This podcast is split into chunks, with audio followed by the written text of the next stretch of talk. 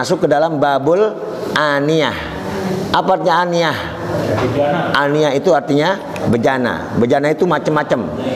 Dari mulai gelas sampai nampan. Tampah termasuk bejana. Tampah. Bismillahirrahmanirrahim.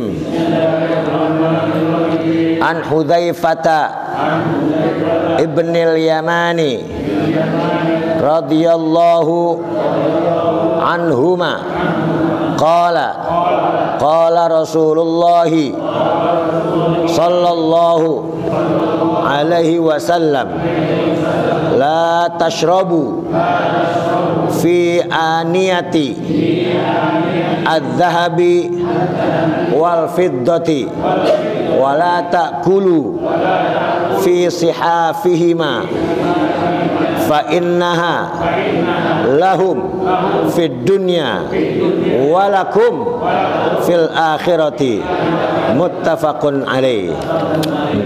Masya Allah ini masuk ke dalam bab bab bejana. Jadi bejana itu enggak semuanya boleh kita pakai. Enggak boleh semuanya kita pakai. Apakah itu bejana yang bentuknya perak ataupun emas ataupun bejana biasa. Ini gelas namanya aniyah. Nampannya juga namanya aniyah. Aniyah itu tempat tempat buat kita makan atau tempat buat kita minum. Dari Hudzaifah bin Yaman radhiyallahu anhu telah berkata Hudzaifah bin Yaman telah bersabda Nabi kita Muhammad sallallahu alaihi wasallam La tashrabu wahai orang-orang la tashrabu janganlah kalian minum. Fi aniyati dhahabi di bejana yang terbuat dari emas wal fiddati dan yang terbuat dari perak. Wala ta'kulu dan jangan juga kalian makan. Apa saja? Fi sihafihima. Pada apa ya sohof. Sohof itu piring piring emas dan piring perak.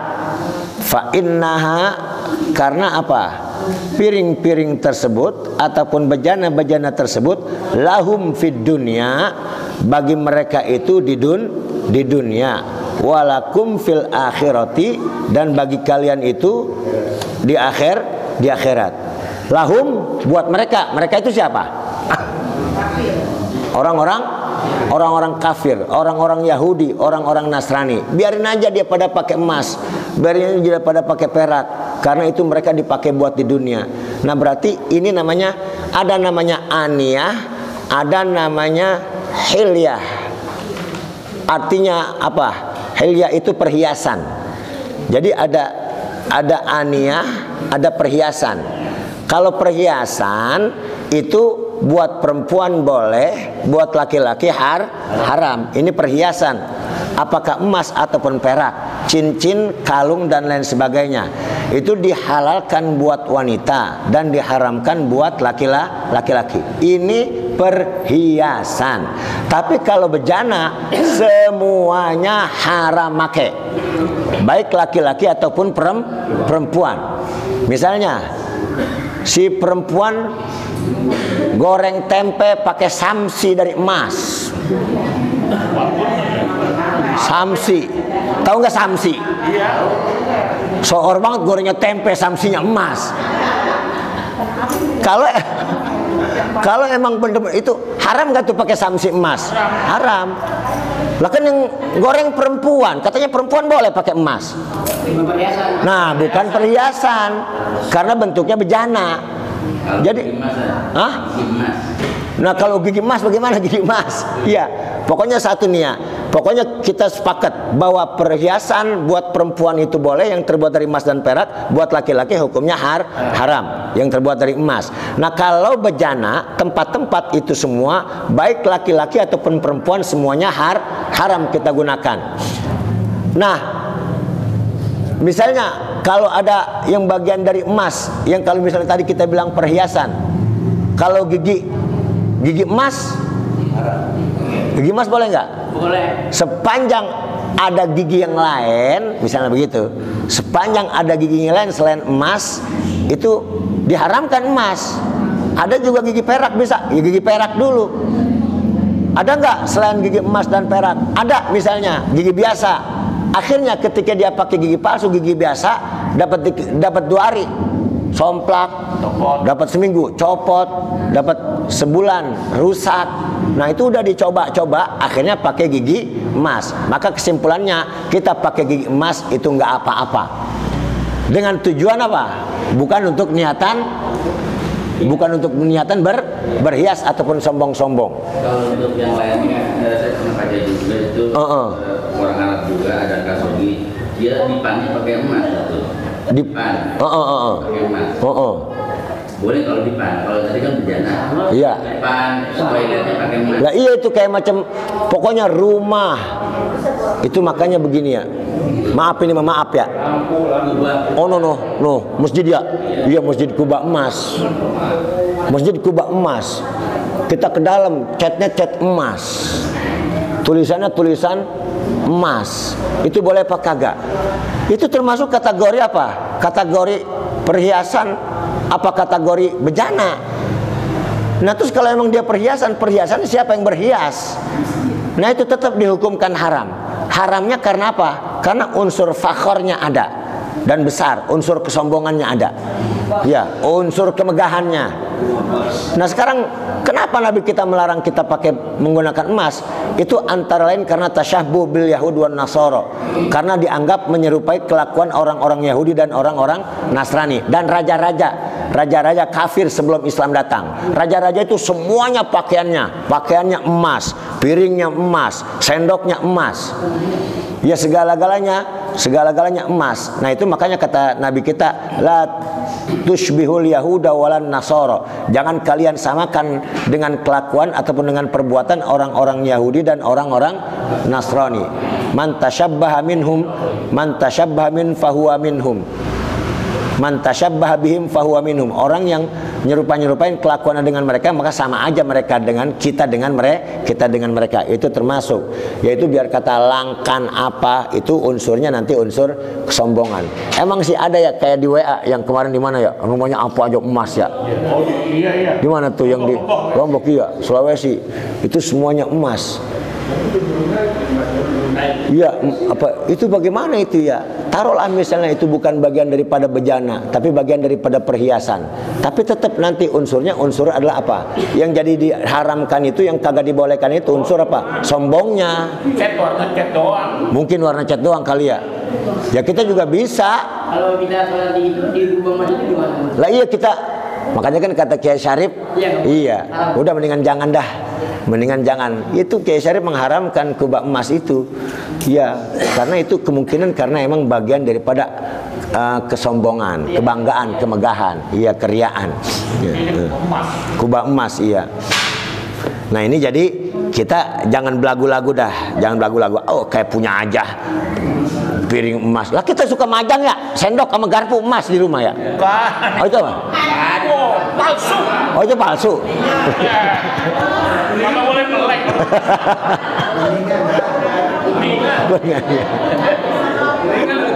Iya. Kali emas beneran yang kita suka pajang itu di rumah tuh ya. Kan suka ada garpu sama sendok ya.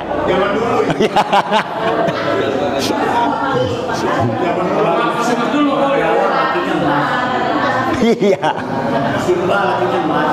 Simba aja lakinya emas.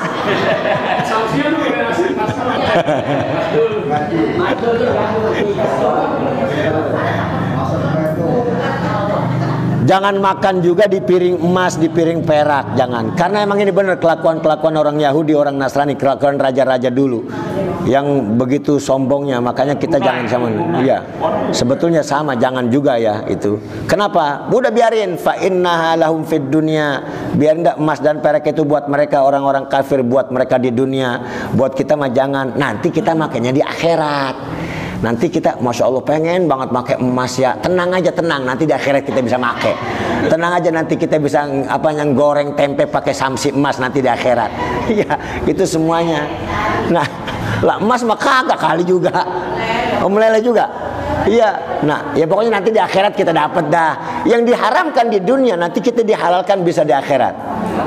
Yang istilahnya begini, arak ataupun apa saja perempuan-perempuan nanti kita bisa halal di akhirat semuanya. Makanya tenang aja. Kita nanti akan dibagi oleh Allah di akhirat nanti. Jadi jangan jangan kagak sabar nanti insya Allah. Jadi fa innaha lahum fid dunya walakum fil akhirah. Emas dan perak dan segala kemegahan itu semuanya biarin dah buat orang-orang kafir dan nanti kita jatah kita nanti di akhirat. Sebagaimana Nabi kita bilang apa? Ad-dunya mu'mini wa jannatul kafiri. Dunia itu adalah penjaranya orang beriman dan surganya orang ka orang kafir. Biarin aja. Boleh jadi kita yang dagang HP, yang dagang emas, yang jualan apa? Jualan ban, jualan mobil, semuanya kebanyakan siapa? Cina. Cina. Biarin aja, itu emang jannatihim. Emang jannatuhum itu dia emang udah sorga mereka. Kita jangan pakai iri-irian karena itu emang karena itu sijnul mukmin. Dunia ini adalah penjara orang berim, penjara orang beriman, surganya orang kafir terutama dalam urusan-urusan ekonomi dan urusan kesejahteraan hidup. Nah, kalau kita ngeliat orang Saudi tukang emasnya orang apa? Orang Islam ya. Tukang HP-nya? Berarti dia masuk surganya. Surga dunia, surga akhirat. Nah, kita pengennya begitu juga. Nah, ini buat kita yang udah telanjuran kagak bisa apa-apa, tapi udah udah kalah dah, udah kalah sama orang kafir, udah kalah sama orang non muslim, yaitu nabi kita berdalil demikian. Dunia itu penjaranya orang mukmin dan surganya orang ka orang kafir. Jelas sampai sini? Iya, jelas. Bagaimana kalau jem? Jem emas. Gold plate misalnya. Gold plate. Kan ada gold plate. Termasuk kategori apa? Perhiasan. perhiasan. Jangan kita pakai jangan pakai gold plate, emas apa namanya? Apa tuh? Ya lapisan emas, jam tangan lapisan emas lebih baik jangan. Karena itu juga bagian daripada perhiasan. Buat laki-laki, kalau buat perempuan boleh nggak? Boleh. Jadi kategorinya perhiasan, kategori perhiasan. Ada orang bawa-bawa sendok katanya, tapi sendoknya sendok emas buat makan di mana-mana. Boleh? Kagak, karena kategorinya aniyah. Aniyah itu bejana. Apakah itu sendok, apakah itu gelas, apakah itu piring, ataupun benda-benda yang dinyatakan sebagai bejana untuk alat-alat makan dan alat-alat lainnya. Kalau misalkan untuk koleksi, misalkan punya Rolex gitu ya, yang harganya ratusan juta, banyak orang Loh kalau buat koleksi maka gak apa-apa sepanjang dia nggak pakai. Kita laki-laki punya emas boleh nggak? Boleh. Boleh. Asal jangan, asal jangan dipakai. Kita boleh punya emas boleh. Boleh beliin ya. Hah? Lagi boleh beliin doang, beliin buat bini. Yang beliin buat bini ya. Iya lakinya beliin doang yang pakai sama bini. Iya. Jadi beli doang. Hadis selanjutnya wa an ummi salamata. Ayo ikutin. Wa an ummi radhiyallahu anha. Qalat Qala Rasulullah sallallahu alaihi wasallam alladhi yashrabu fi ina'il fiddati innama yujarjiru fi batnihi naro jahannama muttafaqun alaih Masya Allah naudzubillah dari Ummi Salamah radhiyallahu berkata Ummu Salamah telah berkata telah bersabda Nabi kita Muhammad sallallahu alaihi wasallam. Alladzi yashrabu orang yang. Jadi alladzi artinya yang. Tergantung kita lihat. Berarti artinya orang yang minum di tempat perak. Perak ini perak bukan emas malah. Innama yujarjiru sesungguhnya nanti akan apa tuh bahasa kita yujarjiru? Ngelebek apa situ artinya apa? Yujarjiru apa? Di orang yang minum pakai bejana perak nanti di akhirat atau di neraka jahanam perutnya apa? Iya berarti nge, nge, ngelubak. Bahasa apa itu? Belebek belebek di perutnya belebek sama apa? Api neraka jahanam jangan pada sok-sokan itu di dunia. Pada pakai perak pada pakai emas. Entar tuh nanti di neraka perutnya ngelebek ngelebek sama apa? Lah kita ngelebek sama air aja rumah sampai mules banget sampai kita ke dokter-dokter. Itu sama air. Bagaimana kalau ngelebek sama api neraka? Masya Allah itu jadi udah. Biar aja itu pakai pakaian dia.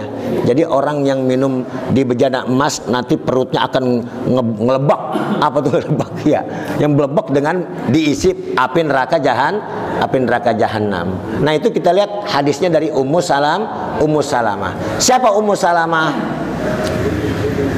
itu ya kita bulan Maulid Rabiul Aw Rabiul Awal Ummu Salamah adalah salah satu istri Nabi kita Muhammad sallallahu alaihi wasallam. Kita sering banyak mendengar riwayat hadis dari Ummu Salamah dari Aisyah yang sering kita dengar Ummu Salamah dengan Siti Aisyah. Ya sekalipun banyak juga istri-istri Nabi mengeluarkan hadis Nabi ya paling 3 4 biji ataupun dikit. Tapi kalau misalnya Aisyah sering Aisyah an Aisyah radhiyallahu anha an Ummi Salamata radhiyallahu anha. Jadi banyak riwayat dari istri Nabi kita Muhammad sallallahu alaihi wasallam. Jadi ini Ummu Salamah adalah istri dari Nabi kita Muhammad sallallahu alaihi wasallam. Di situ ada Ummu Salamah Ummul Mukminin, istri dari Nabi kita Muhammad SAW. Nah kalau kita pernah dengar nama Ummu Salamah, kalau kita lah istri Nabi emang ada yang namanya Hindun, ada. Ada yang namanya Hindun. Hindun itu dengan Ummu Salamah dia dia juga. Hindun dengan Ummu Salamah dia dia juga jangan kita bilang Hindun dengan Ummu Salamah beda. Nama asli Ummu Salamah Hindun binti Abi Umayyah. Bukan Hindun itu ya, ya Abu Sufyan bukan. Ya. Hindun binti Abi Umayyah. Nah, itu dia suaminya namanya Abi Salamah. Abi Salamah jadi janda. Jan, Nabi kita nikah dengan Ummu Salamah. Ummu Salamahnya udah janda sebelum dengan Nabi. Jadi istri apa suami Ummu Salamah namanya Abi Abi Salamah bin Abdul Asad. Ummu Salamah ngikut hijrah bersama Nabi kita sama suami-suaminya dan suaminya meninggal di Madinah setelah kembali dari Habasyah. Habasyah itu Ethiopia dan akhirnya dinikahkan oleh Nabi kita Muhammad sallallahu alaihi wasallam. Dan Ummu Salamah meninggal dalam usia 59 tahun. Ada yang mengatakan 62 tahun dan kuburnya di Baqi'. Kubur Ummu Salamah di Baqi. Baqi Madinah apa Mekah? Di Madinah. Ya di Baqi. Umur Ummu Salamah pada saat ada juga mengatakan umurnya 84 tahun. Itu jadi salah satu istri Nabi kita yang namanya Ummu Salamah nama lain daripada Hindun binti Abi Umayyah. Wallahu a'lam bishawab. Ya ada yang mau ditanya silakan. Kalau kita bicara mulu dan nabi misalnya, oh iya ada pengumuman besok kita katanya mulu dan ibu-ibu bener? Hah? Mulu- Ibu-ibu, bapak-bapak, ibu-ibu. Oh pengajian kita, ya besok kita minggu besok, hari Ahad besok, ya kita maulid, ya. Ada yang mau tanya silakan. Ibu-ibu ada yang mau nanya apa? Kalau hadis kalau banyak kan itu ani aja maksudnya bencana buat minum tapi kalau peralatan lain mah nggak sebutin. Kayak misalkan untuk apa untuk rumah biasa. Iya iya emang. Karena itu sering dipakai ya buat dipakai buat alat kesombongan ya itu. Bejana ania bukannya buat apa namanya cat ataupun bangunan atau apa. Kenapa yang dilarang? Selalu ania yaitu karena emang dipakai sehari-hari. Dan juga karena dibilang yaitu tadi orang-orang Yahudi dan orang-orang Nasrani ataupun raja-raja sebelum Islam itu banyak menggunakan bejana-bejana. Kebanyakan bejana-bejana. Termasuk istilahnya apa? Eh, tameng tameng. Buat perang juga kebanyakan dari emas. Yaitu jadi itu mereka juga duitnya. Bisa jadi dari duit rakyat. Bisa jadi dari duit rakyat kemudian dibuat mereka untuk kesombongan mereka, karena mereka itu sebagai sebagai raja jadi emang yang sebenarnya dilarang itu paling utama itu adalah ania kalau tutup tutup gelas dari emas boleh nggak pokoknya sama namanya termasuk ania termasuk ania yang namanya emas itu bukan emas. Kita pernah ini dibuat masjid di Sumatera, Padang, Padang. Hmm. Cuman kertas doang tuh dioles. Kertas doang dioles, bukan emas-emas bener. Heeh. Kertas dicat dioles tuh, emang bentuknya kayak emas. Tinta emas kali ini. Bukan. Itu tinta emas tintanya. Bukan, dia, dia mah kertas ditempel, dioles begitu kayak air itu emas, kayak emas jadinya. Jadi begini, kalau campuran campuran emas sekalipun dikit dengan campuran benda biasa, misalnya ini cincin ya, cincin saya ada unsur emasnya, tapi unsur besinya lebih besar. Ya. Kalah nilai emasnya, emasnya paling berapa? Nggak ada gram-graman, tapi ada emasnya. Justru besinya ada 5 gram misalnya. Emasnya ya 0 gram, 0, gram, 0, gram, 0 sekian gram.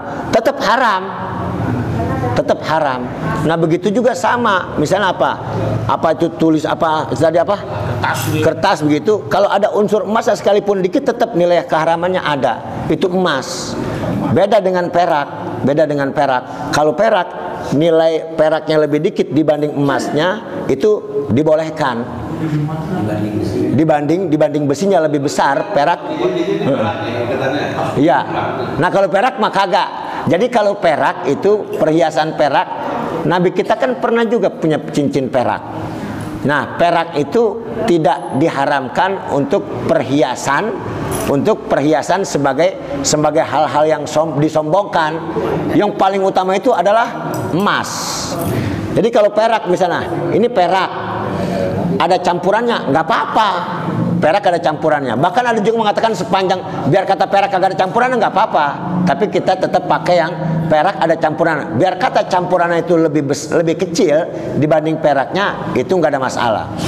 Ya perak, ini perak. Hmm. Ya sama, perak murni juga. Kalau perak murni kita pakai perak murni semua nggak ada campurannya, itu bisa dikategorikan termasuk eh, emas yang tidak yang tidak ada campurannya, termasuk haram juga. Tapi ada juga yang mengatakan perak nggak apa-apa sepanjang bukan emas. Jadi kita nih kita pakai cincin perak nih perak. Tapi ada giniannya nih, ya nggak nggak ada masalah, jangan takut. Tapi kalau emas, biar kata dikit nilai emasnya, iya. Bahkan ada di dalam kajian-kajian fikih, kita dulu punya ompreng. Dulu ada tukang solder. Iya. Iya kalau ompreng bolong kita solder. Nah terus disolder pakai emas, pakai timah emas. Iya disolder pakai jadi ke, timahnya timah emas gitu, solder. Karena ya itu sampai begitunya, sampai sebegitunya. Lah mahalan emasnya mah omprengnya. Ya misal di, nah, nah itu berarti bagaimana? Tetap haram, tetap haram. Jadi campuran, campuran emas itu sekalipun lebih dikit daripada barang biasanya tetap haram. Itu makanya kita itu gituan. Mm-mm. Eh, biasanya bahasan hadis bikin itu emas padahal mbak mbak apa namanya permata yang lebih Iya, iya, iya. itu kategori emas apa bulan Iya iya. Bagaimana kalau permata? Yaitu sampai-sampai sampai-sampai diwajibkan pembayaran zakat karena emang mulanya emas itu kan emas dan perak nilai tukar. Nilai tukar uang, nilai tukar ya. Jadi kalau pengen beli apa-apa pakai emas, berapa gram beli emas. Nah, ya dirham dan dinar. Nah, itu kan terbuat dari emas. Nah, oleh karena itu ketika kita memiliki barang lebih mahal jauh daripada emas dan perak sekelas permata ataupun mutiara, iya berliannya, itu kagak kena wajib zakat. Dan lantaran dia kagak kena kewajiban zakat juga kagak diharamkan kita makainya juga. Ini di luar unsur kesombongan ya, di luar unsur kesombongan. Laki boleh Iya. berlian. Iya laki boleh pakai berlian. Pokoknya kita kagak boleh pakai emas saja. Pakai berlian, lo mahalan berlian. Lah iya, iya boleh. Wajib bayar zakat berlian, mutiara, kagak dia punya, kagak. Yang wajib bayar zakat itu emas dan emas dan perak aja gitu. Nah, ah, Mas putih.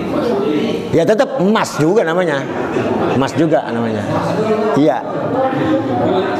Mahalan mana emas putih sama emas merah? Hah? Malah mana emas putih sama emas merah? Emas sama, iya, emas emas juga. Pokoknya nama emas biar kata dia putih juga emas namanya, emas.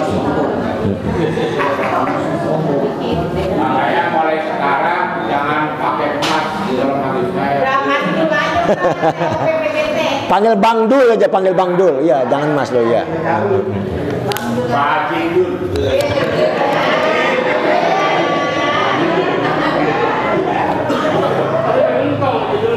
Ada lagi yang ditanyain? Iya. Eh, semuanya menggunakan masjid kan kos detik ya kos detik Ah. dan tujuan Ah. Eh, selalu wanita itu kan Hmm.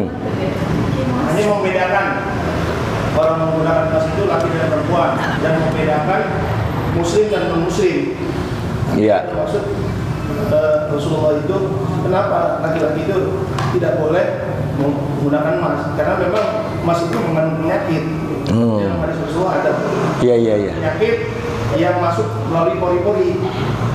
Jadi ketika wanita mah karena dia dibuang dengan melalui head, melalui head. Kalau laki-laki mah kan kagak. Iya, iya. Ada bisa buruk gitu. Iya, iya, iya. iya. Nah, itu namanya hikmatut tasyri' namanya. Hikmatut tasyri'. Hikmah disyariatkannya. Apa syariatnya itu haram ataupun halal ataupun boleh atau wajib, itu pasti ada hikmahnya. Nah, kemungkinan berdasarkan observasi ataupun penelitian, ya misalnya bisa aja kita bisa terima kenapa perempuan boleh pakai emas, laki-laki kagak boleh? Karena emas itu kan misalnya mengandung kalau dipakai oleh laki-laki akan menimbulkan penyakit buat laki-laki. Iya, ada efeknya. Sementara kenapa perempuan bukan justru emas itu buat perempuan bukan penyakit, jadi penangkal. Penangkal karena emang perempuan itu punya head. Iya, jadi karena ketika dia head, maka disuruh pakai emas nah, menilai sakitnya ataupun insya Allah headnya itu tidak menjadi parah lantaran dia itu dibolehkan pakai emas. Nah, itu namanya hikmah. Itu kalau kan. Iya, seperti itu. Sama aja kita minum air, kita minum air pakai baca bismillah dengan kagak baca bismillah. Kalau kita baca bismillah, kalau dalam bahasa kita ada berkahnya. Tapi nggak tahu dalam bahasa orang-orang para peneliti itu bukan hanya mengandung keberkahan. Jadi molekul-molekulnya itu kalau kita baca bismillah atau kita baca zikir akan apa namanya? akan hilang ataupun akan mati. Itu kan namanya di, diteliti. Itu makanya yang justru yang meneliti bukan orang Islam. Iya, orang-orang non muslim diteliti gitu. Ya termasuk lalat tadi itu. Iya, larangan meniup juga. Kenapa Nabi kita ngelarang meniup? Karena emang kita tahu tuh masuk karbon dioksida apa tuh? Masuk apa keluar? Iya, mengandung karbon dioksida. Iya. Kalau kita sedot namanya apa? Oksigen. Keluarin karbon dioksida. Nah, karbon dioksida itu mengandung penyakit. Kalau kita tiup, nah, ntar bisa bengek. berpadu dengan unsur yang dikeluarkan dari asap. Iya, berpadu dengan ya itu dia. Itu namanya hikmah benar. Jadi sepanjang kita bisa mencari hikmah, hikmah itu dalam bahasa Arab namanya filosofi. Sepanjang kita bisa mencari hikmah, kita cari dan itu masuk masya Allah luar biasa gitu. Sampai Nabi kita mengharamkan dan sampai Nabi kita membolehkan itu dia. Ya ada lagi? Wallahu a'lam bisawab. Makanya, nah sekarang ibu-ibu kalau pakai emas boleh nggak? Punya, boleh. Cuman ini saya bilang, ibu-ibu pakai emas emang boleh, dibolehkan. Cuman jangan kebangetan, ah, jangan kebangetan sampai ge- ge- gerincing. Iya, jangan sampai kebangetan gerincing. Iya, ustazah. Ibu-ibu jangan suka sombong terhadap sesama. Lah ini isinya emas mulu. Lah, ini. Nah, itu satu. Itu bisa jadi haram. Iya, karena unsur kesombongannya. Iya pakai digulung. Lah emang pakai kalung, pakai kalung emas. Dia pakai jilbab, pakai ditongolin kalungnya. Iya, pakai ditongolin kalungnya. Iya udah ketemu pakai jilbab, mendingan jangan pakai kalung. Ini yang sering kita ngeliat itu fenomena emak-emak itu kalau dia hajatan. Kalau dia hajatan semuanya keluar yang dilaci. Iya, dia arisan keluar tuh segala cincin yang dilaci semua. Lagi lempengan apa namanya kondangan atau lempengan biasa mah dia kagak keluarin. Lempengan dia jadi sahibul bait. Dikeluarin semua. Nah, itu tetap nanti akan mengandung unsur haram. Palsu juga Haramnya ya, bisa jadi emas kongleos juga dikeluarin. Emas kongleos. iya. Ya subhanakallahumma wa bihamdika asyhadu an la ilaha illa anta astaghfiruka wa atubu ilaik al-fatihah. أعوذ بالله من الشيطان الرجيم. بسم الله الرحمن الرحيم. الحمد لله رب العالمين. الرحمن الرحيم. مالك يوم الدين. إياك نعبد وإياك نستعين. اهدنا الصراط المستقيم. صراط الذين أنعمت عليهم غير المغضوب عليهم ولا الضالين. بسم الله الرحمن الرحيم. الحمد لله رب العالمين. حمدا يوافي نعمه ويكافئ مزيدا اللهم صل على سيدنا محمد. اللهم انفعنا بما علمتنا وعلمنا ما ينفعنا. اللهم اغفر لنا ولوالدينا وارحمهما كما ربيانا صغارا. اللهم أغننا بالعلم وزينا بالحلم وأكرمنا بالتقوى وجملنا بالعافية. اللهم أرنا الحق حقا وارزقنا اتباعه. وأرنا الباطل باطلا وارزقنا اجتنابه. وصلى الله على سيدنا محمد وعلى آله وصحبه وسلم. والحمد لله رب العالمين. صلى الله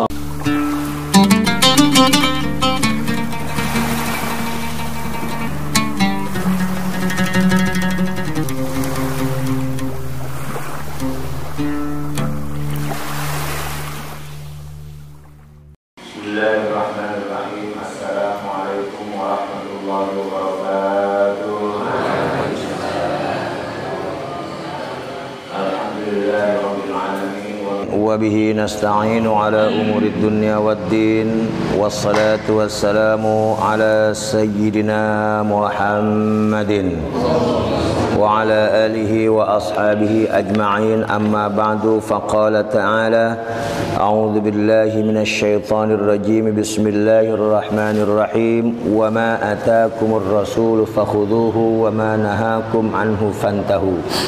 Kita baca bareng-bareng. Bismillahirrahmanirrahim. Wa an ibni Abbasin radhiyallahu anhuma qala qala Rasulullah sallallahu alaihi wasallam idza dubighal. Ihabu. Faqad tahura. Akhrajahu muslimun. Wa indal arba'ati. Ayyuma ihabin. Dubigha. Wa an salamata. Ibnil muhabbiqi radhiyallahu anhu qala qala rasulullah sallallahu alaihi wasallam dibagu juludil maitati tuhuruha. Sahahahu ibnu hibban. Wa an maimunata radhiyallahu anha. Qalat marran nabiyyu sallallahu alaihi wasallam bishatin yajurrunaha. Faqala law akhadtum ihabaha? Faqalu innaha maitatun. Faqala yutahhiruhal ma'u wal qaradu. Akhrajahu Abu Dawud wan Nasa'i. Ini bab masih ngomongin bab aniyah yaitu bejana atau apa saja. Artinya yang masalah dikeluarkan hadisnya oleh para muhadithin yang ada masalah. Tapi kalau nggak ada masalah nggak ada masalah. Kayak macam gelas piring biasa normal itu sudah dinyatakan jelas boleh dan halalnya. Tapi ada satu bejana yang terbuat dari kulit. Nah yang namanya kulit berarti kulit binatang ataupun kulit apa saja jadi masalah kalau dibikinin tempat. Makanya sampai ada beberapa ataupun ada banyak hadis dan juga karena memang banyak banyak pertanyaan kemungkinan jadi akhirnya Nabi kita menyampaikan beberapa hadis yang berkaitan tentang tempat untuk kita gunakan. Apakah kita gunakan makan ataupun kita gunakan minum ataupun lainnya. Nah, di sini dari riwayat dari Ibnu Abbas. Riwayat dari Ibnu Abbas radhiyallahu anhuma. Mudah-mudahan Allah memberikan ridho kepada Ibnu Abbas dan Abbasnya telah bersabda, telah berkata, telah bersabda Nabi kita Muhammad sallallahu alaihi wasallam, "Idza dubighal ihabu apabila disamak." Bahasa kampung kita di apa namanya? Ah? Ah? Disamak juga. Iya, iya diproses, diproses apabila diproses atau disamak al ihabu kulit binatang faqad tahura maka kulit binatang itu akan menjadi suci nah ini matan hadisnya seperti itu kita lihat ada sanadnya sedikit kita cerita Ani bin Abbasin dari Ibnu Abbas Ibnu Abbas itu nama aslinya siapa? Abdullah bin Abbas. Jadi di sini disebutnya Ibnu Abbas aja dari anaknya Abbas. Anaknya Abbas siapa? Namanya Abdullah. Abdullah bin Abbas, Abdullah anaknya Abbas. Berarti kita kemarin pernah cerita waktu muludan. Abbas itu siapa? Abbas itu paman paman Nabi kita Muhammad SAW yang Muslim. Nah berarti paman Nabi namanya Abbas punya anak namanya Abdullah. Berarti Abdullah sama Nabi apaan? Sepupu. Abdullah dengan Nabi kita Muhammad SAW sepupu, sepupu Abdullah bin Abbas. Umurnya tuaan Nabi banyakkan Nabi umur tuaan Nabi banyak ya lebih tua Nabi jauh karena banyak riwayat Nabi sudah menjadi Rasul Ibnu Abbas masih anak-anak. Ibnu Abbas masih anak-anak. Banyak terkenal riwayat ya ini sebagai catatan pengetahuan kita. Sepanjang yang kita tahu ya kita sampaikan. Jadi Abdullah bin Abbas ini termasuk anak kecil yang pernah didoain oleh Nabi kita Muhammad sallallahu alaihi wasallam yang doanya berbunyi Allahumma faqihhu fiddin wa 'allimhu ta'wil. Itu ajaran Nabi, doa Nabi untuk siapa? Abdullah bin Abbas. Allahumma faqihhu fiddin, ya Allah pinterin agamanya wa 'allimhu ta'wil dan ajarkan dia tentang mempelajari ataupun mendalami ilmu had, hadis. Takwil, takwil itu ya sama. Itu doa Nabi kita kepada sepupunya yang jauh lebih muda dibanding usia Nabi kita Muhammad SAW. Akhirnya ya sampailah Abdullah bin Abbas sebagai orang bukan hanya sebagai orang terdekat Nabi banyak mengeluarkan ataupun meriwayatkan menyampaikan sabda-sabda Nabi kita Muhammad sallallahu alaihi wasallam karena kecerdasannya pernah didoain oleh Nabi kita Muhammad sallallahu alaihi wasallam. Dan juga salah satunya ketika ada surah An-Nasr turun idza jaa nasrullahi wal fath wa ra'aitan nasa yadkhuluna fi dinillahi afwaja fasabbih fasabbih bihamdi rabbika wastaghfirhu innahu kana tawwaba itu para para punggawa-punggawa, para pemuka-pemuka Quraisy, para ulama-ulama Quraisy menafsirkan ataupun menerjemahkan surah tersebut bahwa itu sebagai bentuk kemenangan umat Islam. Memang isinya begitu. Apabila datang kemenangan, apabila datang pertolongan Allah, Idza jaa nasrullahi wal fath wa ra'aitan nas yadkhuluna fi dinillah fasabbih maka disuruh bertas bertasbih itu isyarat nggak taunya Ibnu Abbas berbeda pendapatnya bahwa itu adalah surah menjelang akhir hayat dari Nabi kita Muhammad Sallallahu Alaihi Wasallam. Jadi Nabi kita terakhir-akhir menjelang wafatnya itu mendapatkan wahyu surah An-Nasr. Dan yang tahu itu adalah Ibnu Abbas. Abdullah bin Abbas yaitu sedikit tentang sepupu Nabi kita Muhammad yang bernama Abdullah bin Abbas, anaknya Abbas. Dia meriwayatkan Nabi kita Muhammad SAW pernah bersabda apabila kulit binatang itu disamak maka otomatis kulit binatang itu menjadi su suci. Ya udah, suci ya suci, nggak usah pakai dibilang najis. Kalau misalnya udah suci berarti kesimpulannya boleh dipakai, boleh dibawa ke mana-mana, boleh dikantongin.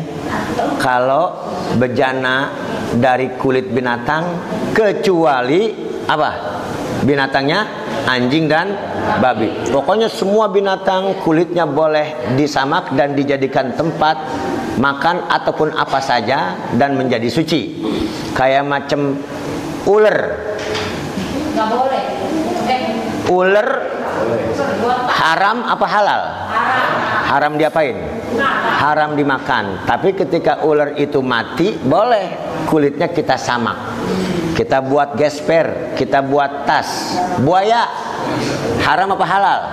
Haram. Tapi ketika buaya itu mati, maka boleh kulitnya kita gunakan kita jadiin sebagai tas ataupun jaket kulit, jaket kulit buaya dengan catatan dubiro, dengan catatan harus disamak dulu. Karena kalau kagak disamak, maka kulit binatang itu tetap menjadi najis. Beda dengan bedug. Ya kayak macam kita mungkin kulit kebo kita buat bedug bagaimana dia biar supaya lembek diapain? Dijemur terus digaremin. Nah, itu namanya proses penyamakan namanya. Proses penyamakan tuh. Iya, kalau udah udah lentur, udah lembek, udah itu baru kita buat bedug. Sebetulnya itu namanya proses penyamakan. Jadi biar supaya lentur kemudian kita bisa lipat, kita bisa lepit dengan proses dijemur, dikasih air panas, dikasih garam, dikasih cabai biar supaya bagaimana caranya maka bedug itu jadi lah bedug mah kulit kulit kebo suci apa kotor suci apa najis? Kalau nggak disamak kulit kebo kalau nggak disamak suci suci tidak suci tetap kenapa? Karena kebo itu halal halal dimakan. Dia nggak pakai disamak juga. Nggak ada masalah suci. Yang disamak it, yang disamak yang menjadi suci itu kulit binatang yang haram dimakan. Yang haram dimakan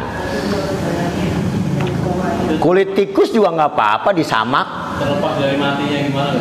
ya terlepas dari matinya bagaimana. Karena binatang yang haram dimakan kita sembelih tetap aja matinya jadi bangke. Karena haram dimakan. Iya misalnya kita pengen makan monyet. Waduh biar supaya boleh bagaimana? Kita potong dulu lehernya. Lah tetap aja kayak kita motong kebo misalnya. Lah tetap aja daging monyetnya menjadi haram. Nah itu artinya kecuali binatang yang halal dimakan kulitnya kita gunakan. Nggak pakai disamak juga nggak apa-apa. Tapi kalau kulit binatang yang haram dimakan itu baru kita boleh harus harus disamak. Jadi baru namanya faqad tohuro maka akan menjadi suci kita gunakan. Bahasa suci itu kapan kita gunakan dia menjadi suci? Ya kalau kita buat minum kalau kita buat makan. Terus apalagi kalau ya kita pakai buat sholat kita bawa-bawa. Kita pakai gesper ular sholat boleh? Boleh. Karena apa? Karena emang gesper ular kulit ularnya itu udah diapain? Udah disamak. Tapi kalau kulit ular langsung kita nemu ular kita kelet. Kemudian pas kita kelet kita cuci doang. Cuci kita bawa sholat kita kantongin atau kita buat gesper najis nggak? Najis. Maka sembahyang kita jadi kagak sah. Itu dia konsekuensi suci dan najisnya.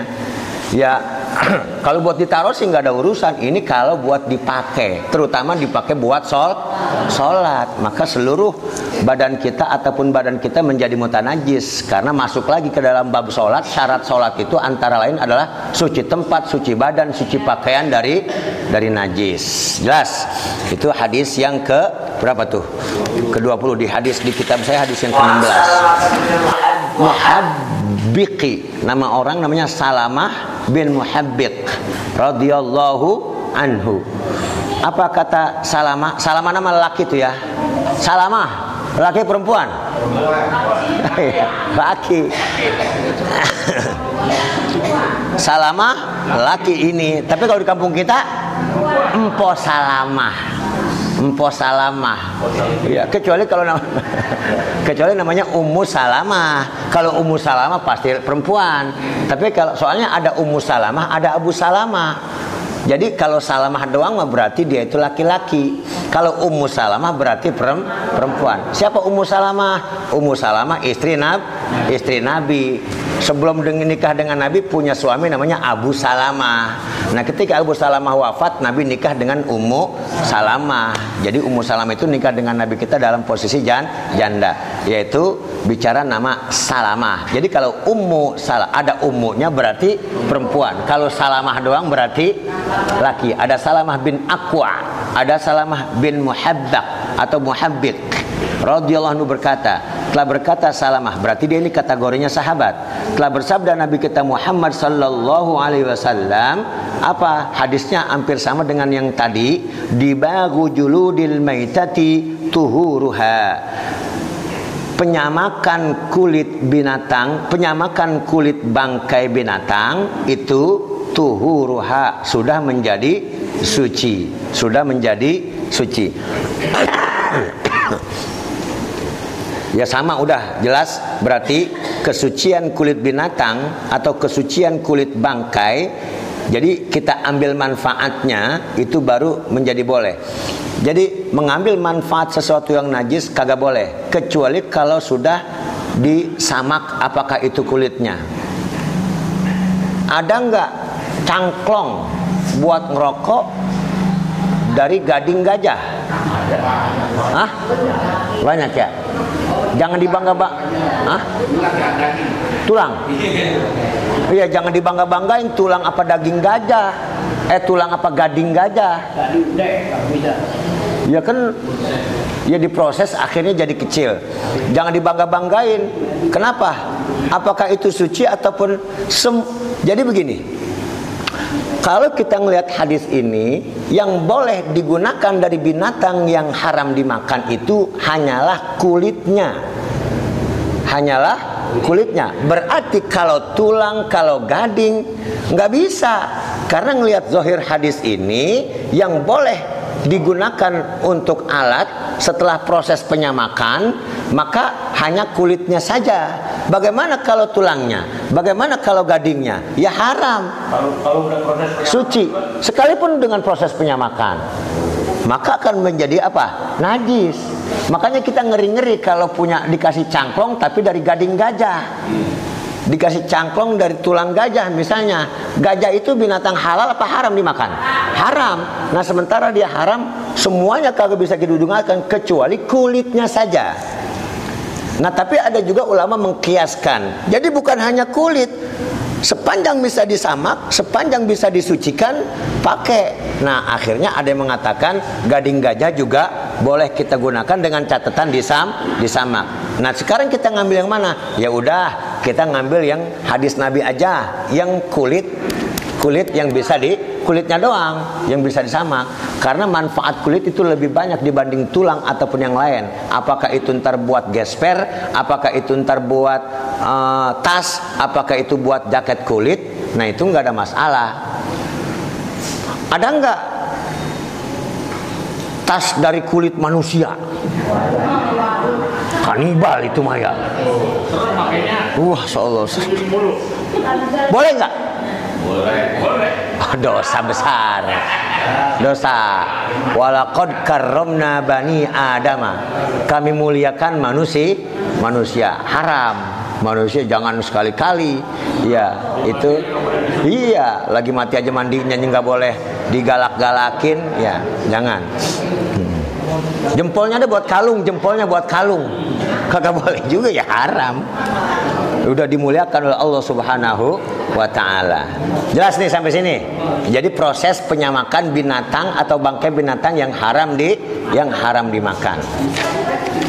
Wa an Maimunata radhiyallahu anha.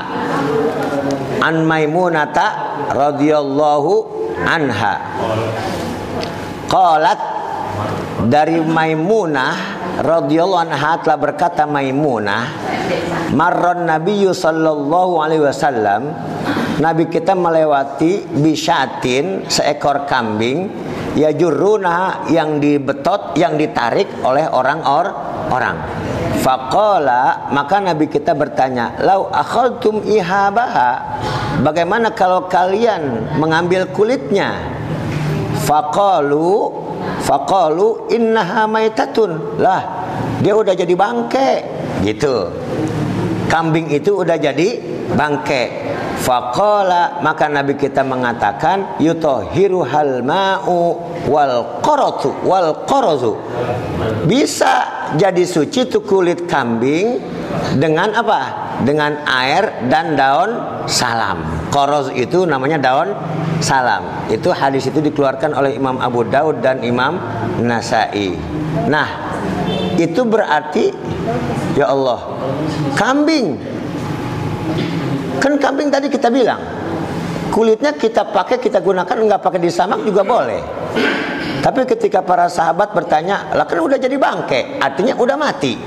Maitatun. Kan kambingnya udah mati. Ya kalau biar kata kambing itu udah jadi bangke juga. Misalnya begini. Misalnya, itu bisa jadi ya jurunaha bisa diseret apakah bentuk apakah kambingnya itu kambing hidup kalau kambing hidup kan kita potong kita sembelih kulitnya kita gunakan nggak pakai disamang juga nggak ada masalah nah atau kita makan sekalipun kulit kambing boleh kita makan boleh boleh kan ada kerupuk kulit kerupuk kulit dari kulit apa? Ada kulit kambing sama kulit sapi. Lah kudu tahu. Kalau kagak tahu mah. Ini kulit wah ini kerupuk kulit enak juga nih. Kulit kulit babi. Lah kulit babi. Ya jangan. Nah kulit kambing kita bikin kerupuk kulit. Ya ahlan wa sahlan. Kerupuk apa? Kulit sapi. Nggak ada masalah. Nah ini kalau kulitnya kambing ya artinya ini. Kambing itu kalau udah jadi bangke maka tetap kulitnya bisa digunakan. Kulitnya bisa digunakan. Dengan catatan itu tadi harus di disamak jadi maitatun itu artinya bang bangke. Makanya begini bapak-bapak ibu-ibu. Ya usolli ala hadhil maitati. Jangan ala hadhil maitati. Yaknya jangan dikasih sukun. Yaknya harus bertasydid usolli ala hadhil maitati saya sholat untuk mayit ini mayit perempuan. Tapi jangan usolli ala hadhil maitati bangke. Jadi maitah itu bang bangke. Ya pokoknya kata Allah innaka mayyitun wa innahum mayyitun engkau orang yang pasti bakalan mati. Dan mereka juga pasti bakalan mati. Mayyitun. Pakai sabdu. Mayyitun. Ya udah. Itu jadi perbedaan antara bangkai manusia dengan binat binatang. Kalau bangkai binatang itu maitatun. Maitah. Nah jadi ketika ada orang-orang nyeret kambing Nabi kita bilang tuh kulitnya boleh dibuat digunakan kata sahabat lah bukannya udah jadi bangke? Nggak apa-apa kalau udah di sama kalau udah disamak jadi kesimpulan kesimpulan dari hadis yang kita baca semua kulit binatang bisa digunakan dan menjadi suci kalau disamak kecuali bangke anjing dan babi saja kecuali bangke anjing dan babi saja. Nggak bisa disamak sekalipun bersih kayak apa juga nggak bisa.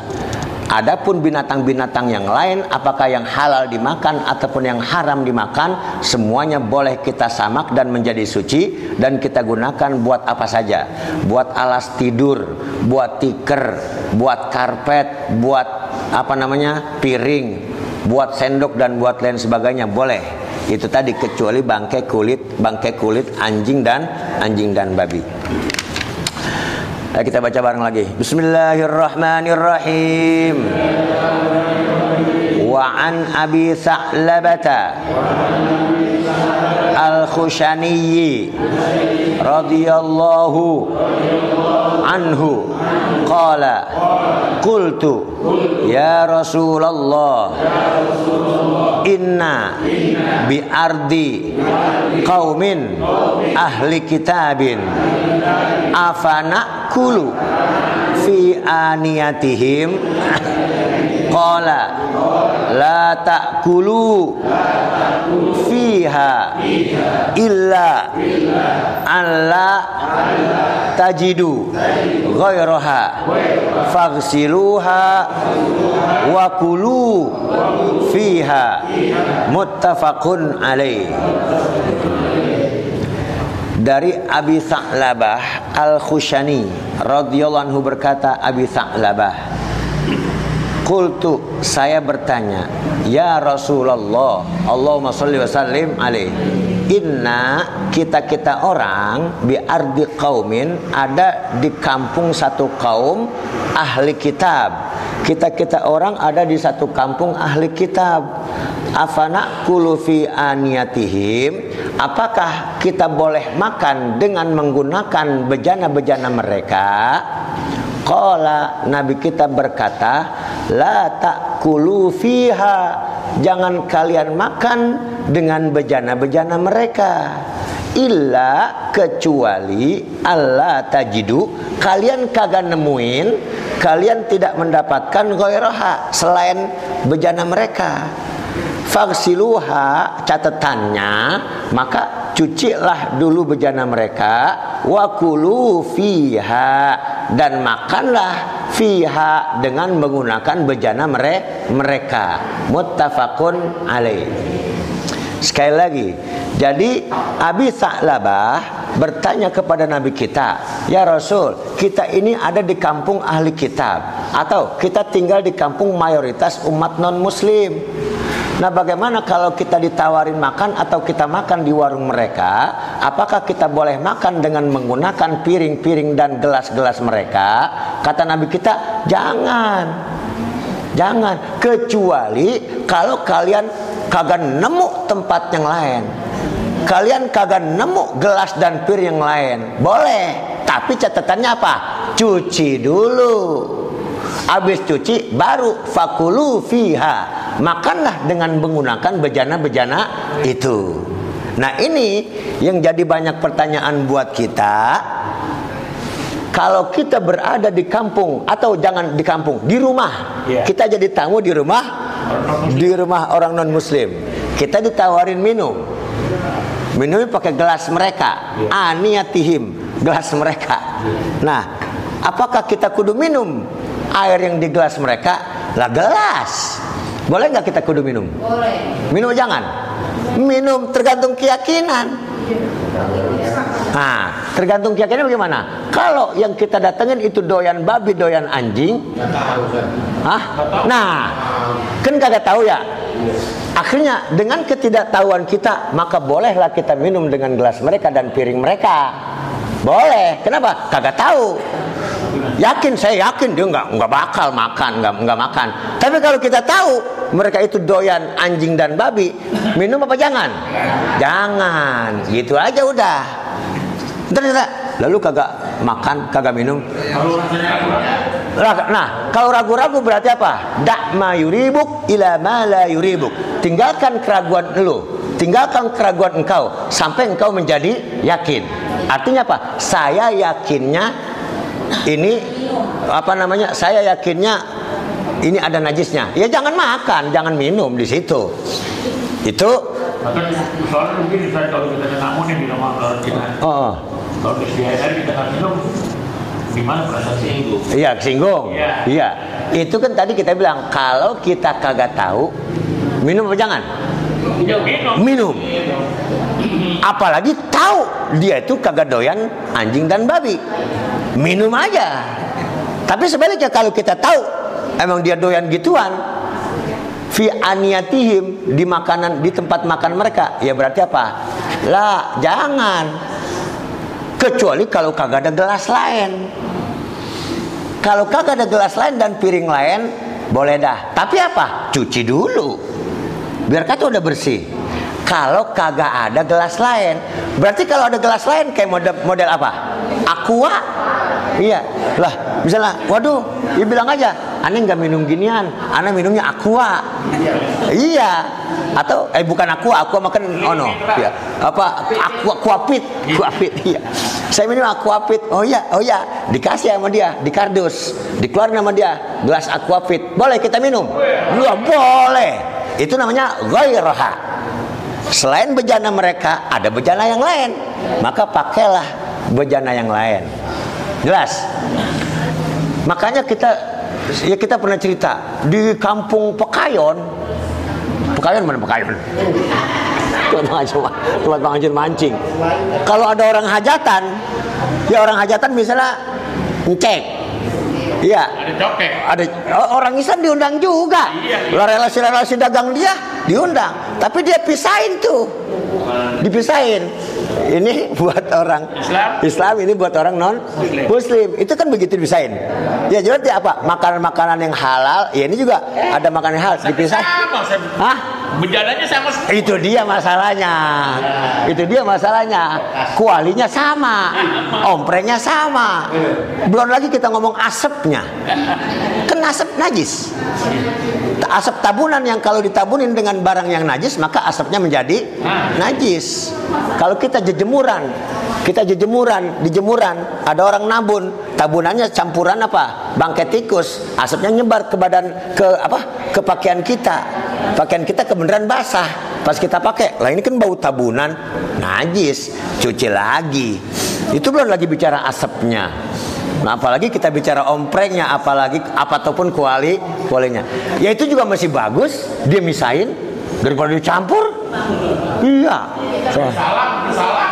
Hah? Salah, saya pernah salah dulu. Tapi. Iya. Hah? Bagi orang doain doain aja. Iya, berarti iya. Nah, sepanjang dipisahin kita yakin makan makan aja. Kalau yakin. Kalau kagak yakin jangan. Ya udah ambil aja aquanya. Makan aja biskuitnya. Biskuit kan bukan buatan dia. Kecuali ada kue pepe. Kue pepe bisa jadi buatan. Oh beli dia, iya. Pokoknya keyakinan kita lah, gitu. Iya, belinya, belinya sama Cina. Nah itu namanya, ya berarti ditanya juga oleh sahabat Nabi kasus-kasus dulu dengan kasus kita sekarang ada juga kasus sekarangnya. Ya kayak macam pertanyaan sholat. Kita kerja di rumah orang non muslim dia mempersilahkan kita untuk sholat di rumah dia. Boleh nggak? Ya sepanjang kita yakin tempatnya bersih sholat aja. Dengan menggunakan sejadah kita atau dengan menggunakan kardus alasnya sembayang aja. Sekalipun di rumah orang non non muslim itu bicara bicara non muslim di Indonesia itu apakah itu Nasrani ataupun Buddha ataupun Hindu. Nah, ini kan ahli kitab. Inna fi ardin bi qaumi ahli kitab. Kita berada di kaum ahli kitab. Jadi pertanyaan juga, siapa sih ahli kitab? Ahli kitab alladzina yu'minuna bit Taurati wal Injil. Mereka yang berkitabkan kepada Taurat dan Injil. Kenapa bukan Quran? Kan Quran belum ada.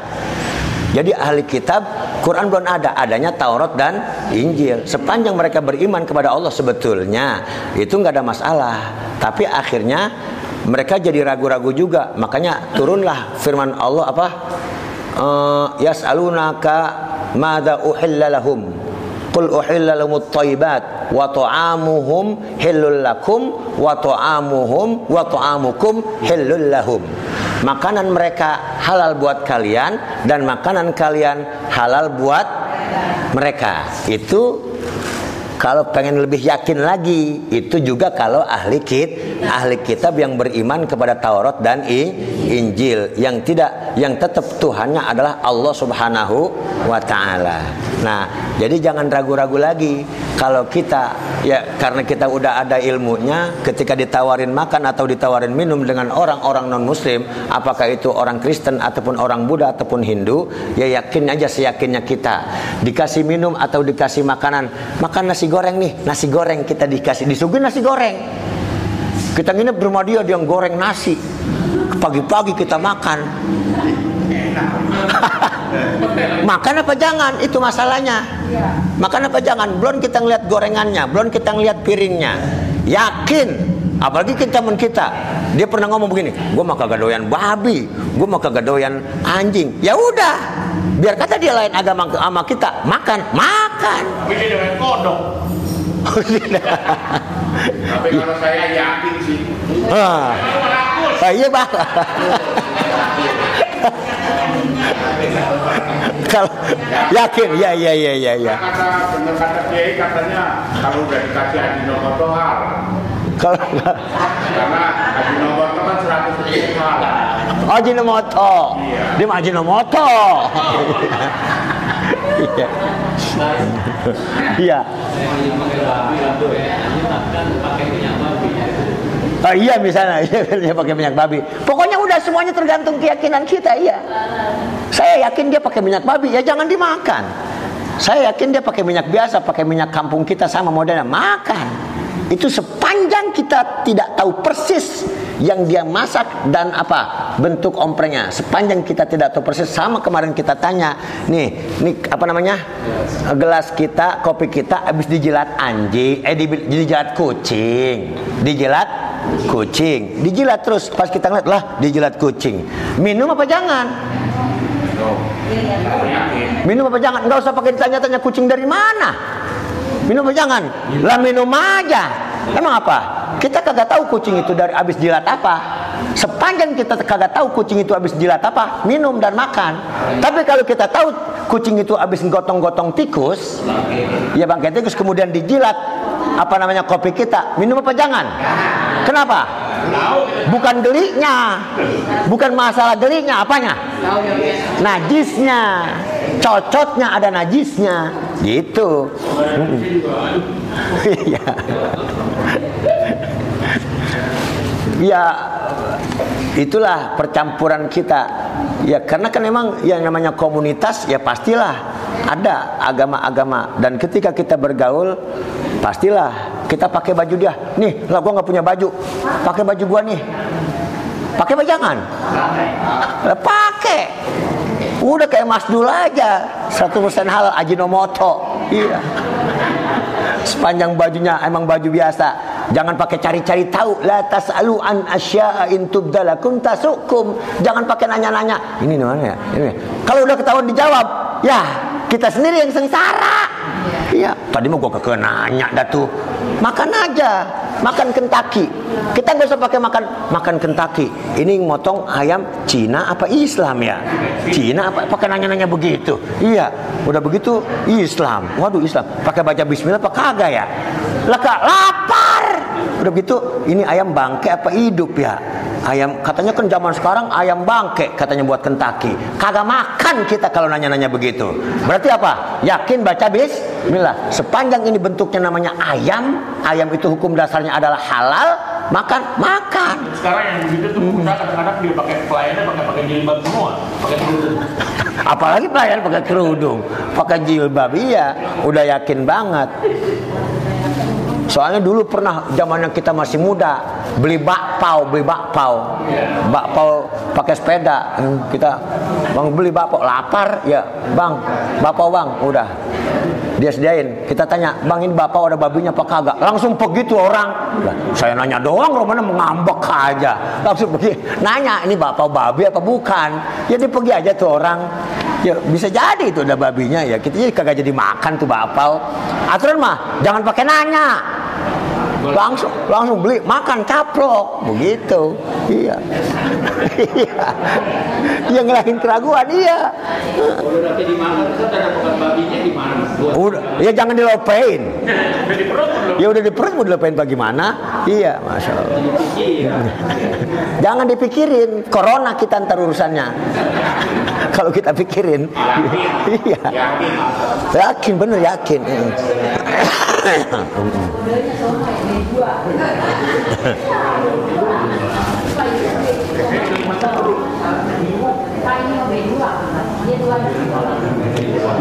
Ya. Lanjut hadis berikutnya. Bismillahirrahmanirrahim. Wa an Imrana ibni Husainin radhiyallahu anhu anna nabiyya sallallahu alaihi wasallam wa ashabahu tawaddau min mazadati imra'atin musyrikatin muttafaqun alaih. Ya. Dari Imran bin Husain. Jadi ada Husain ada Husain. Ada pakai sod ada pakai sin. Boleh kita ngasih nama anak kita boleh Husain boleh Husain. Dari Imran bin Husain radhiyallahu anhu berkata Imran bin Husain bahwasanya Nabi kita Muhammad wasallam wa ashabahu dan para sahabat-sahabatnya mereka tawaddau. Mereka berwudu min mazadati imra'atin dari tempat kulit seorang perempuan yang musyrikatin yang musyrik. Dari tempat air mazadah tempat air. Ada juga yang bilang tempat air dari kulit. Dari tempat air seorang wanita musyrikah berarti Nabi kita berwudu di bejana dengan sahabat-sahabatnya di bejana perempuan yang musyrikah nah itu kalau kita bicara urusan bejana ataupun kulit binatang yang udah disamak nggak ada masalah Berarti apa? Ya suci-suci karena Nabi kita berwudu di tempat perempuan yang musyrikah. Apa artinya musyrikah? Musyrikah itu alladzi yusyrik billah yang tidak bertuhankan kepada Allah. Tapi Nabi kita berwudu dengan bejana mereka. Boleh. Ini dalilnya, gitu aja. Kita sholat di rumah orang Kristen boleh, boleh. Dalilnya mana? Ini dalilnya. Bisa kita buat dalil. Boleh kita sholat di kelenteng. Boleh, boleh. Entar ada yang nanya, emang kagak punya masjid? Sembahyang pakai di kelenteng. iya, oh iya ya. Oh iya ada masjid. Masjid. Lah ada masjid sembahyang di kelenteng. Itu yang bermasalah. Kecuali kalau emang kagak ada masjid, kemudian tempat lain kotor, kita sembahyang di kelenteng boleh, baru boleh. Lah masjid sama sama musola ambak-ambakan, sembahyang di kelenteng itu baru jadi masalah. Ini kalau kagak ada tempat, ya. Uh-uh. Nah, jadi dari tempat, jadi buat berwudu juga boleh, buat berwudu juga boleh. Jadi bahwasanya tempat-tempat orang-orang musyrik kita pakai juga boleh. Itu tadi kayak macam sama. Apakah boleh kita makan dengan bejana mereka? Emang mulanya Nabi kita melarang sepanjang kagak ada yang lain gitu. Nah itu lari lagi ke dalam urusan yakin dan tidak yakin dan tidak yakin. Yakin minum aja. Makan nasi goreng mereka, makan nasi gorengnya. Yakin. Yakin, yakin. Minum, iya di air sepanjang airnya air suci menyucikan dan boleh buat minum gelasnya gelas beling minum minum. Jangan pakai nanya-nanya aus kita. Mati kita bisa urusan dikit-dikit nanya mulu dikit-dikit nanya mulu. Lah ini gue takut ini gue takut. Jangan makan makan aja. Berarti namanya ila ma la yuribuk. Bikin kita yakin. Sepanjang kita yakin maka tidak ada masalah. Dan sepanjang kita tahu itu halal bentuknya Ya, wa an wa an Anasin. Ibni Malikin. Radhiyallahu anhu anna. Qadahan nabiyyi sallallahu alaihi wasallam in kasara fattakhadha makana sya'bi. Salsalatan Ah, silsilatan silsilatan min fiddatin. Akhrajahul bukhari iya Nah, hadis Aniyah yang terakhir di dalam kitab Bulughul Maram atau di dalam kitab ya, di dalam kitab Bulughul Maram dari Anas bin Malik. Anas bin Malik itu adalah khadimur Rasul. Ya, orang yang membantu Nabi kita Muhammad sallallahu alaihi wasallam kurang lebih 10 tahun. Itu Anas bin Malik. Makanya Anas bin Malik itu meriwayatkan hadis lebih banyak dibanding sahabat-sahabat lain selain Abi Hurairah. Karena emang dia hidupnya dekat selalu dengan Nabi kita Muhammad sallallahu alaihi wasallam. Ada riwayat Anas bahwasanya tempat Nabi kita, bejana Nabi kita apa? Ya tempat bejana Nabi kita retak. Ya bejana ini misalnya eh, kendi, retak, in kasaro pecah. Fatakhoda maka Nabi mengambil ataupun menjadikan makana syi'bi tempat apa asyikbi di situ artinya maka Nabi menjadikan ya tempat yang retak tersebut ya tempat yang bolong ya tempat yang retak sal-salatan mengambil sal-salah apa? Iketan. Tapi iketannya dari apa? Min fiddatin dari per dari perak. Boleh.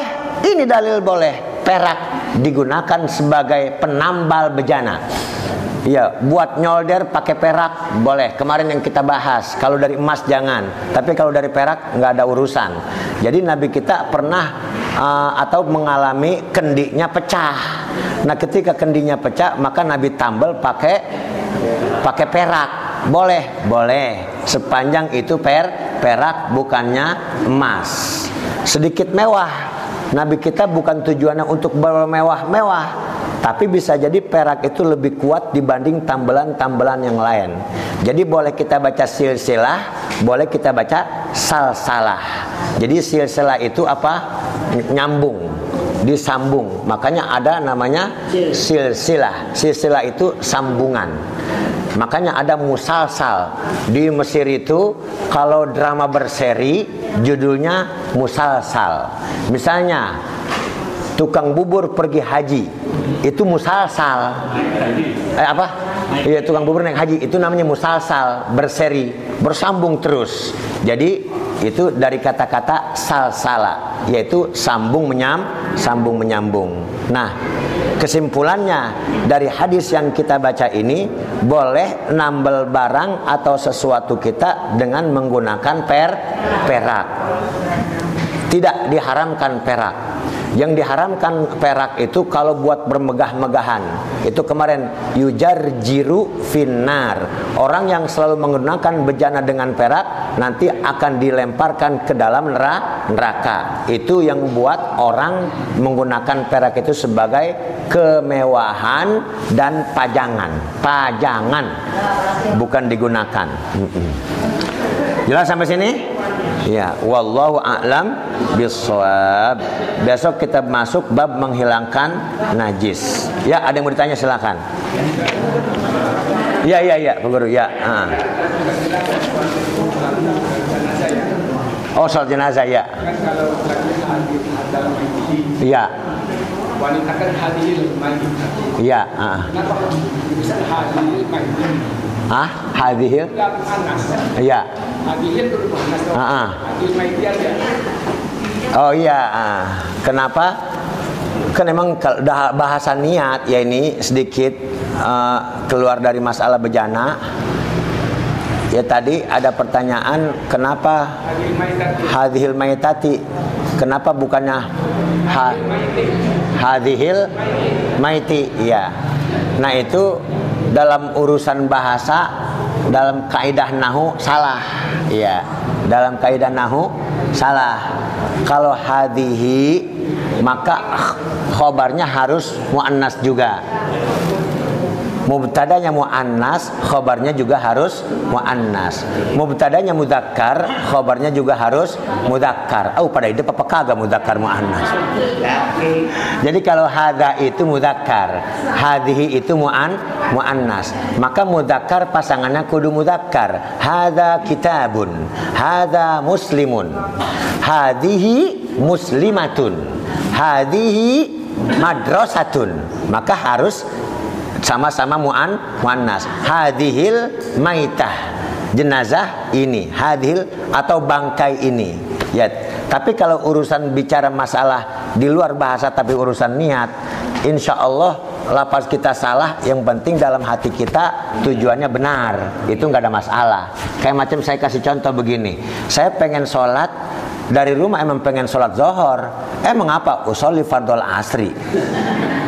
Ya, mulutnya, mulutnya usolli fardol. Lah hati kita mah zohor. Bisa kita. Batal nggak sholat kita? Kagak batal. Iya. Tapi kalau kita ingat, lah, gua tadi niat sholat. Iya, nggak apa-apa. Nggak nggak usah sah. Karena hati kita apa? Hati kita zo. Emang apa ngomongnya asar? Bisa jadi karena belum bayar utang. Seleo lidahnya. Hati mama, hati mah emang pengen zohor. Nggak apa-apa itu.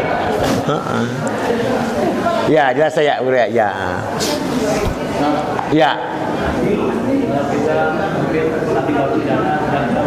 Iya tentang. eh. Iya. Ah. Iya iya iya.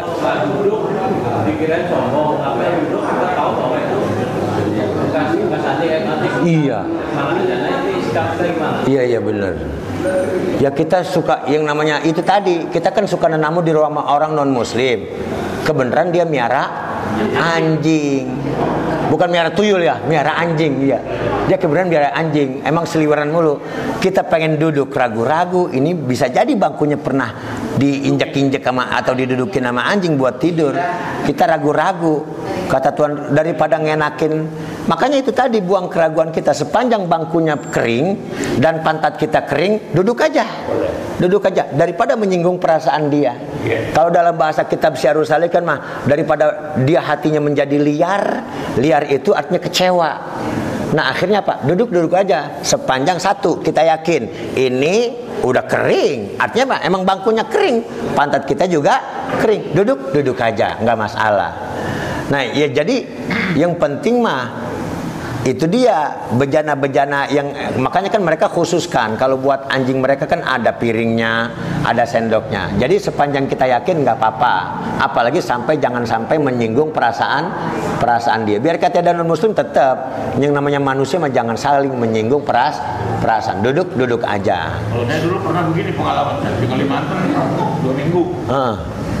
Jadi kalau giliran waktu dia pada makan tuh, Heeh. pergi Heeh. pasar dari nasi. oh iya iya iya. Dua minggu di sana. oh iya iya iya iya Itu iya tersinggung dulu, tersinggung gitu. Iya. Ya karena ya, ya itu karena itu tadi saya mah nggak yakin, ya nggak yakin ya jangan. Ya kita makan mendingan makan di warteg di luar gitu. Iya. Terus kalau kita kamarnya udah nih, kita lagi mau wudhu, kadang-kadang anjingnya lewat. Oh, iya. Kecil, kecil tuh. Iya bener, itu kan kita lebih ragu kalau ada anjing. Jangan kita bilang boleh-boleh miara anjing, tetap kagak boleh miara anjing, bukan kagak boleh apanya yaitu dia najisnya bisa ambak-ambakan. Ntar dia jilat piring, ntar dia jilat tembok, ntar dia kencing di tembok, itu dia masalahnya. Mm-mm. rumah makan kan. Iya. Heeh.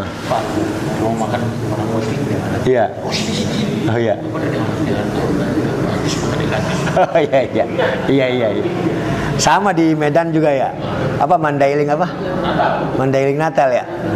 Iya kan sepul, satu kilo perumahan muslim sekilo perumahan non muslim sekilo perumahan muslim sekilo lagi perumahan jadi ada kalau emang udah restoran itu warung makan muslim ditulis muslimnya Ya jadi kalau bukan warung makan muslim kagak ada kata-kata muslimnya gitu emang mau makan mah dari Cina semua. iya Yang penting yakin. Yakin. Yakin. Iya. Yakin ada babinya, makan apa jangan? Yakin. Jangan. itu, itu yakin begitu. Yakin ada babinya, jangan makan. Yakin kagak ada babinya, makan. Gitu. Tapi kan yakinnya nggak ada terus. Ya, iya benar, bagus iya. ada lagi?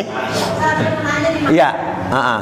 Kenapa kalau kita baca hadis sepertinya apa Ibnu Abbas radhiyallahu anhu Malik kenapa sih selalu ada kata jumlah Ba'aliyah radhiyallahu anhu? Iya. Ujungnya ada itu. Ada masya Allah. Ini doa kita buat mereka. Radhiyallahu anhu namanya jumlah doa iya. Artinya jumlah doa iya bentuknya bukan doa tapi ngertiinnya doa. Radhiyallahu anhu arti asalnya Allah ridho kepada dia. Tapi kita ngertinya jangan begitu. Mudah-mudahan Allah ridho kepada beliau. Atau mudah-mudahan Allah senang sebagaimana firman Allah radhiyallahu anhum wa radu anhu. Dzalika liman khasyia rabbah. Jadi ketika kita mengungkapkan kata apa menulis buat orang alim almarhum kita boleh radhiyallahu anhu. Atau rahimahullahu taala boleh. Ya boleh radhiyallahu tapi kalau bukan orang non muslim jangan kita radhiyallahu anhu. Abu Lahab. Radhiyallahu anhu apa kagak? Lah jangan. La'anahullahu. Kalau Abu Lahab la'anahullahu. Pokoknya kalau muslim musuh-musuh Islam la'anahullahu. Iya, dilaknat oleh mudah-mudahan dilaknat oleh Al- Allah. Boleh kita begitu. La'anahullahu boleh. Kalau laknatullahi alaihi. Laknatullahi alaihi. Kalau la'anahullahu cukup nggak pakai alaihi. Ada lagi? Kalau kalau di terakhir sebelum kita berdoa, ya. Salat. Iya, Ah. sholat terakhir itu baik. Nah itu kalau sholat apa doanya pakai bahasa Indonesia mau batal katanya. Doanya pakai terakhir nih Iya iya iya iya. berdoa pakai bahasa Indonesia. Iya. Kalau kan kata Nabi begini, aqrabu ma yakunul abdu inda rabbi fahuwa sajidun. Orang yang paling dekat kepada Allah adalah ketika dia pada saat sujud. Nah, sujudnya lama-lama boleh, tapi jangan pakai bahasa Indonesia. Kalau kita, ya Allah, Roma Nabi ini galak banget ya, jangan apa galak. Ngomong begitu lagi sholat, lagi sholat ya Allah. Oh no, anak pada nyelongcong-nyelongcong banget ya Allah, tolong ampunin dosanya.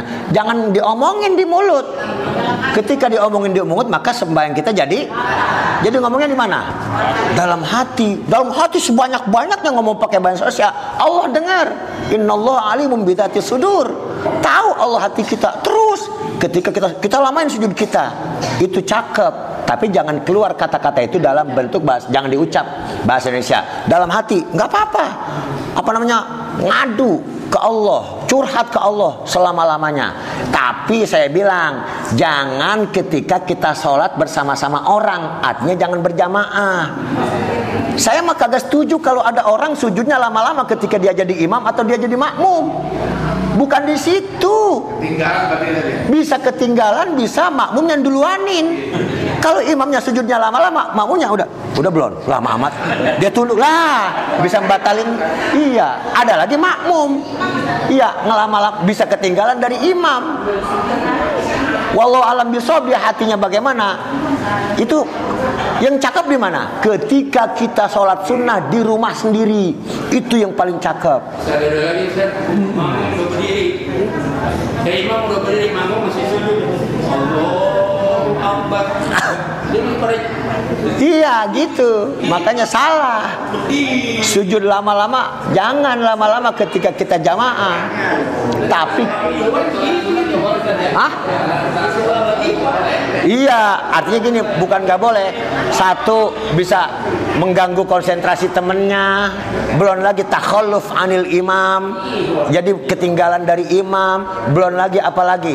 Hati sendiri nih hati wallahu alam bisawab hati sendiri pengen dibilang ahli ibadah. Pengen dibilang dekat sama Allah. Hati sendiri ngerinya karena kelihatan nama orang. Yang paling cakep adalah akrabu ma yakunu inda rabbi fa sajid. Itu ketika di tempat sendiri di rumah salat sunnah sujud. Masya Allah. Sujud nabi kita sama lamanya dengan sujud dengan berdirinya nabi kita. Ketika ngapain? Salat sunnah. Sholat sunnah bukannya sholat fardu. Gitu. Itu yang cakep. Yang cakep. Ah iya takut. Iya sholat sunnah di apa di dalam. Kalau kita begitu takut lama takut hati kita apa pengen di alam takut teriak jangan. Tetap normal normal aja. Imam Ghazali mengatakan kalau kita jadi imam jangan harus ya sama Nabi juga bermula dari Nabi kita bilang lihat di belakang kita fa inna fihi mudha'ifa karena di belakang kita banyak orang punya urusan wadal hajah dan banyak orang punya urusan orang lemes. Jangan dilama-lamain sembahyang kita gitu. Kecuali kalau kita sembahyang sendiri sendiri. Lamain sujud kita cakep Tapi kebanyakan sembahyang diri malah Iya ya Allah ya Tuhanku. Inilah ibadah kita banyak bukan karena Allah, tapi karena orang. Justru sembahyang sendiri cepat dia. sembahyang di rumah zuhur, Allah ya dia cepat. Tapi kalau di musola rame-rame lama. Itu udah ketahuan sembahyang karena siapa? Ya Allah. Padahal mah harus lebih lama. Harus lebih lama.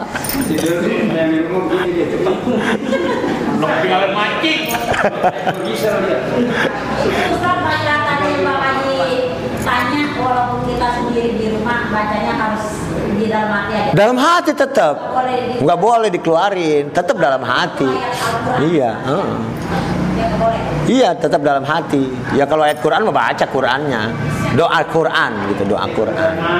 Ya subhanakallahumma wa bihamdika asyhadu an la ilaha illa anta astaghfiruka wa atubu ilaik.